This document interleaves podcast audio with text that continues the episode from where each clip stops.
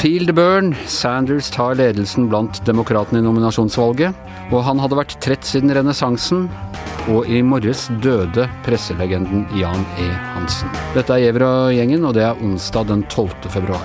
Ja, eh, litt av en natt i eh, New Hampshire, eh, Per Olav Ødegaard. Ja, det var spennende, det. Ja, det var det. det litt Ikke det antiklimakset vi hadde i Iowa, hvor de ikke klarte å, å telle stemmene i det hele tatt. Nei.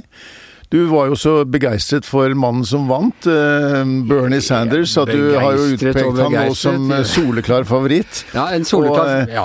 ja. ja. Litt uenighet der mellom deg og meg. Ja, jeg, jeg må jo minne om at Sanders vant i New Hampshire med over, ja, mer enn 20% i forhold til Hillary Clinton for fire år siden, og var ventet å vinne. Og nå fikk han følge nesten til døren, da, av um, Major Pete, som jeg pleier å kalle han. Ja, ta med etternavnet òg, du som er så begeistra for den.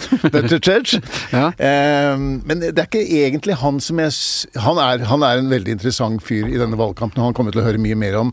Men det som jeg kanskje syns var mest overraskende her, var at Amy Klobuchar Fikk nesten 20% av stemmene. Uh, Bernie Sanders Mer enn Elizabeth Warren? Atskillig mer. Hun fikk jo under 10% og, og hun var på en måte innenfor rekkevidde nesten av de to i tet, som hadde da 25 pluss og 25 minus eh, på, av stemmetallene.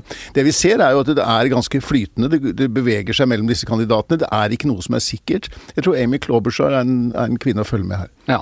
Nei, når jeg eh, Altså min, eh, min favor, mitt favorittstempel er en slags oversettelse av den amerikanske frontrunner. Som er det de er veldig opptatt av i amerikansk politikk. Som ikke betyr at du nødvendigvis vinner, men at du har, innehar ledelsen, og at du har på en måte eh, alt i ryggen, og at dynamikken går i din retning. Og det mener jeg Sanders har nå ganske klart. Han fikk flest antall stemmer i Iowa, selv om da systemet uh, ga ham litt færre mandater.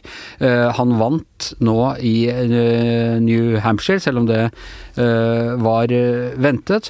Og han ligger best an av de kandidatene i teten til å vinne i både Nevada og South Carolina, hvor da en litt mer etnisk sammensatt velgermasse skal, skal, få komme til orde. Alle disse tingene mener jeg at gjør at han har best inngangsfart da mot den der supertirsdagen. Og Det har du jo, det har du jo rett i, og jeg, jeg, jeg ser på disse prognosene som legges ut i 538, som er disse her nettstedene som er interessante å følge med på i disse tider. Og, og når man ser på alle disse statene, disse 14 som skal delta i supertirsdagen 3. mars, um, så var jo det stater hvor for kort tid siden så ledet Biden i de fleste av disse delstatene. Og, det, er, det er kanskje det mest sensasjonelle ved det, ja. de to valgene, og det er hvor elendig Biden har gjort det. Ja, han har gjort det elendig. Han ble nummer fire i Iowa, han ble nummer fem i New Hampshire. Eh, og han leder som sagt i mange av disse delstatene, store, viktige delstatene som nå kommer. Men, men den ledelsen er på en måte fordunst... Det er borte. Nå er det Sanders som, i hvert fall i prognosene, da, ligger best an i veldig mange av disse. Men jeg bare synes at eh, det har vært såpass mye bevegelse her. Det skal ikke så veldig mye til for å flytte en del stemmer. Mange er, har ikke tatt stilling ennå, tror jeg. Og jeg, det, det vi vet med sikkerhet, eller det vi ser demonstrert, er at Bernie Sanders er glimrende til å mobilisere. Han har en veldig sterk eh, base av velgere, akkurat som Donald Trump. Og de er veldig entusiastiske, og de mobiliserer. Eh, men eh, vi skal nå ut først, da, som du sier, i Nevada. og Så er det da South Carolina, hvor de fleste av de demokratiske velgerne sannsynligvis er svarte, som det pleier å være. Og det er interessant å se hvor de går. og så er det disse store statene på supertirsdag som California, Texas og en del og, og, og andre. Så, og i de statene så må jeg jo si at selv om hun Amy, som jeg har snakket om innledningsvis, hun, hun Eh, har brukt mye krefter og ressurser på disse to første. Hun har ikke så mye penger som de andre, og hun har ikke noe særlig oppslutning utover i landet ennå. Så det skal, skal jo godt gjøres, da. Ja, nei, jeg, jeg tror nettopp det. Altså, en annen ting som gjør at jeg mener at uh, Sanders har uh, vinden i ryggen, er at han har den mest drevne valgkamporganisasjonen, bortsett fra Biden, som nå ser ut til å sakne vesterut, så er han den eneste som har drevet ordentlig presidentvalgkamp tidligere. Mm. Og så tror jeg på en måte at Altså, jeg er høyst usikker, for å si det forsiktig, på om Sanders kan vinne det amerikanske presidentvalget. Men på en måte speiler han også Trump, og han er den eneste kandidaten uh, som speiler ham. Han er en outsider også i Det demokratiske partiet, har vært litt inn og ut av, uh, som eh, medlem av det partiet. Han står ganske langt på siden av hva som er uh, Greenwich Mean Time av demokratisk politikk. Veldig mye mer radikal. han er mindre bundet av gamle allianser Eh, rundt omkring eh, i partiet. Han står friere sånn sett. Sånn sett så stiller han litt som eh, Obama.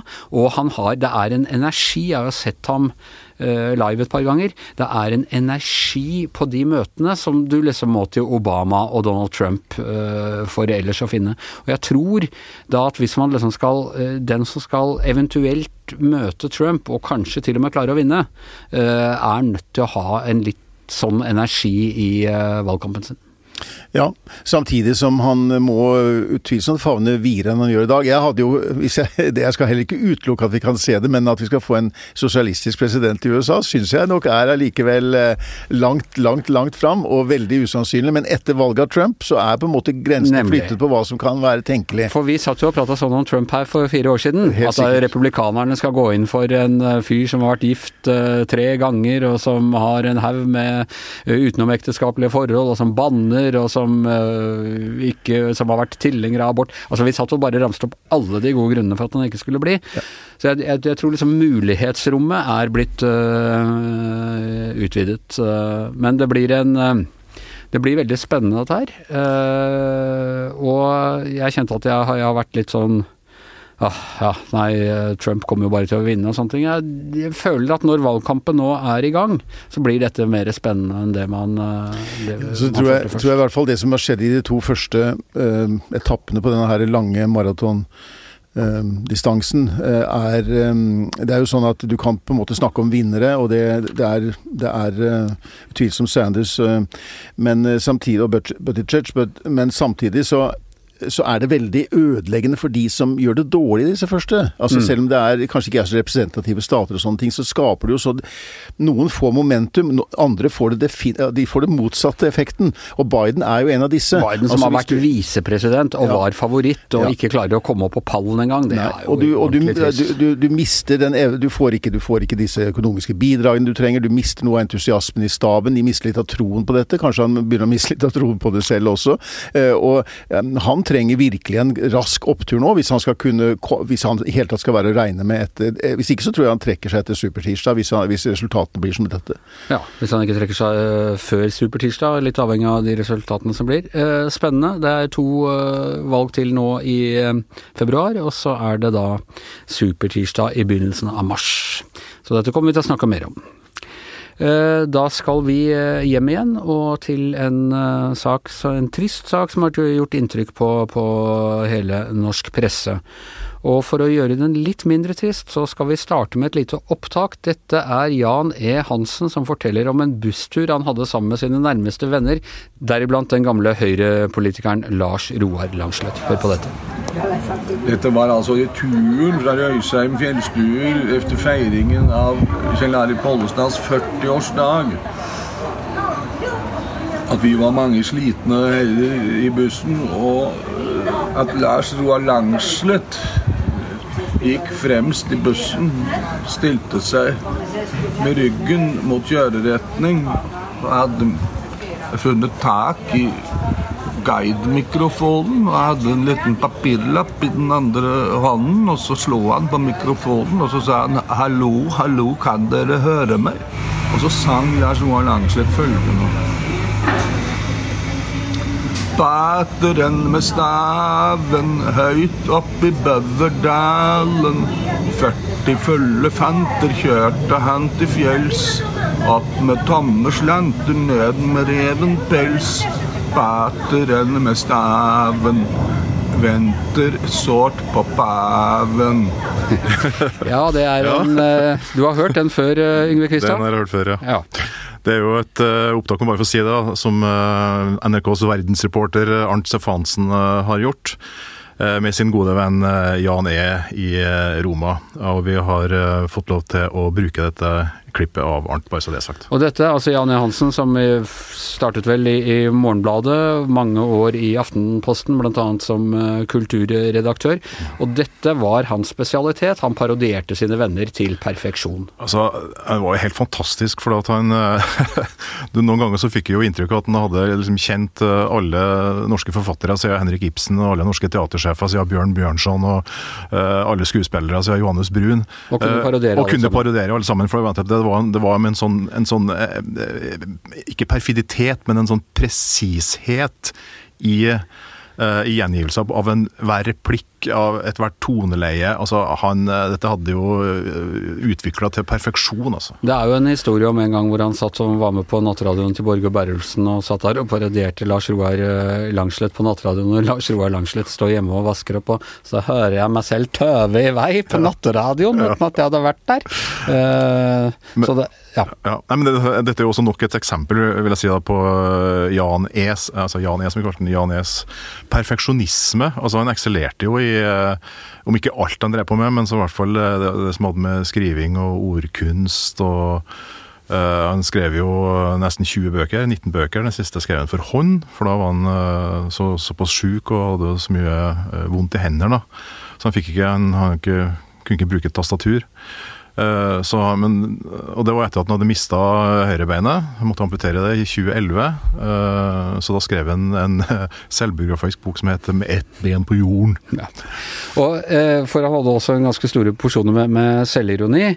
Jeg husker han ble intervjuet av et tidsskrift som het FX på, på 90-tallet, og det åpnet med at han fortalte at jeg satt eh, i grotten hos Øverlands enke istedenfor å ha gymnastikk på gymnaset. Slik skjer det. Slik blir man Jan E. Hansen. Og han var jo eh, anfører i et eh, lag av talentfulle journalister fra Morgenbladet og Aftenposten som ble kalt for de unge gamle. Og han levde litt i en annen tid, eh, Jan Erik. Han var kjent for den der uttalelsen om at jeg har vært trett siden renessansen. Ja da, absolutt. Og, og øh, han, han øh, Ja, nettopp det. Han var jo en eksponent for en annen type kultur, kan du si. men Eh, samtidig må jeg si at han var imponerende oppdatert. Eh, jeg husker jo flere ganger når jeg besøkte besøkt ham i, Roma. eh, så kunne jeg jo sitte sammen med han på Tempio Bar, hans eh, stamsted, altså å få opplysninger i sanntid om hva som rørte seg på Nationaltheatret. Og det var jo selvfølgelig for at det var så mye folk som var besøkende hele tida, han var jo, han var jo oppdatert. Han, han jo Han slutta jo i Aftenposten i rundt 2004, tror jeg, eh, etter å ha jobba der i to tiår eller noe sånt. Eh, og så flytta han til Roma, men eh, stor venneskare som gjorde at han alltid hadde besøk. Og, Og i tillegg guide på sånne kulturreiser til Ja, ja, ja. Veldig mange som har blitt vist rundt eh, i Roma. Ja, både organiserte reiser, men også de siste årene så drev han jo på litt sånn for seg, sjøl. Så han tok imot egne grupper. Og det var også imponerende, for han satt jo da i rullestol.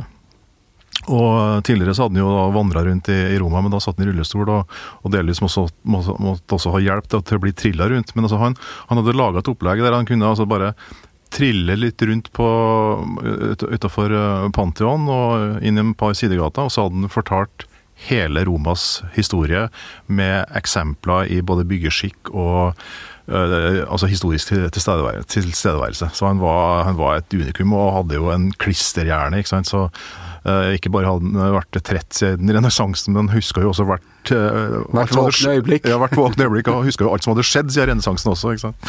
Og du eh, har jo da vært kollega av ham som eh, teaterkritiker Ja. eh, i, i mange år. Hva slags eh, hva, hva sto han for i teaterkritikken?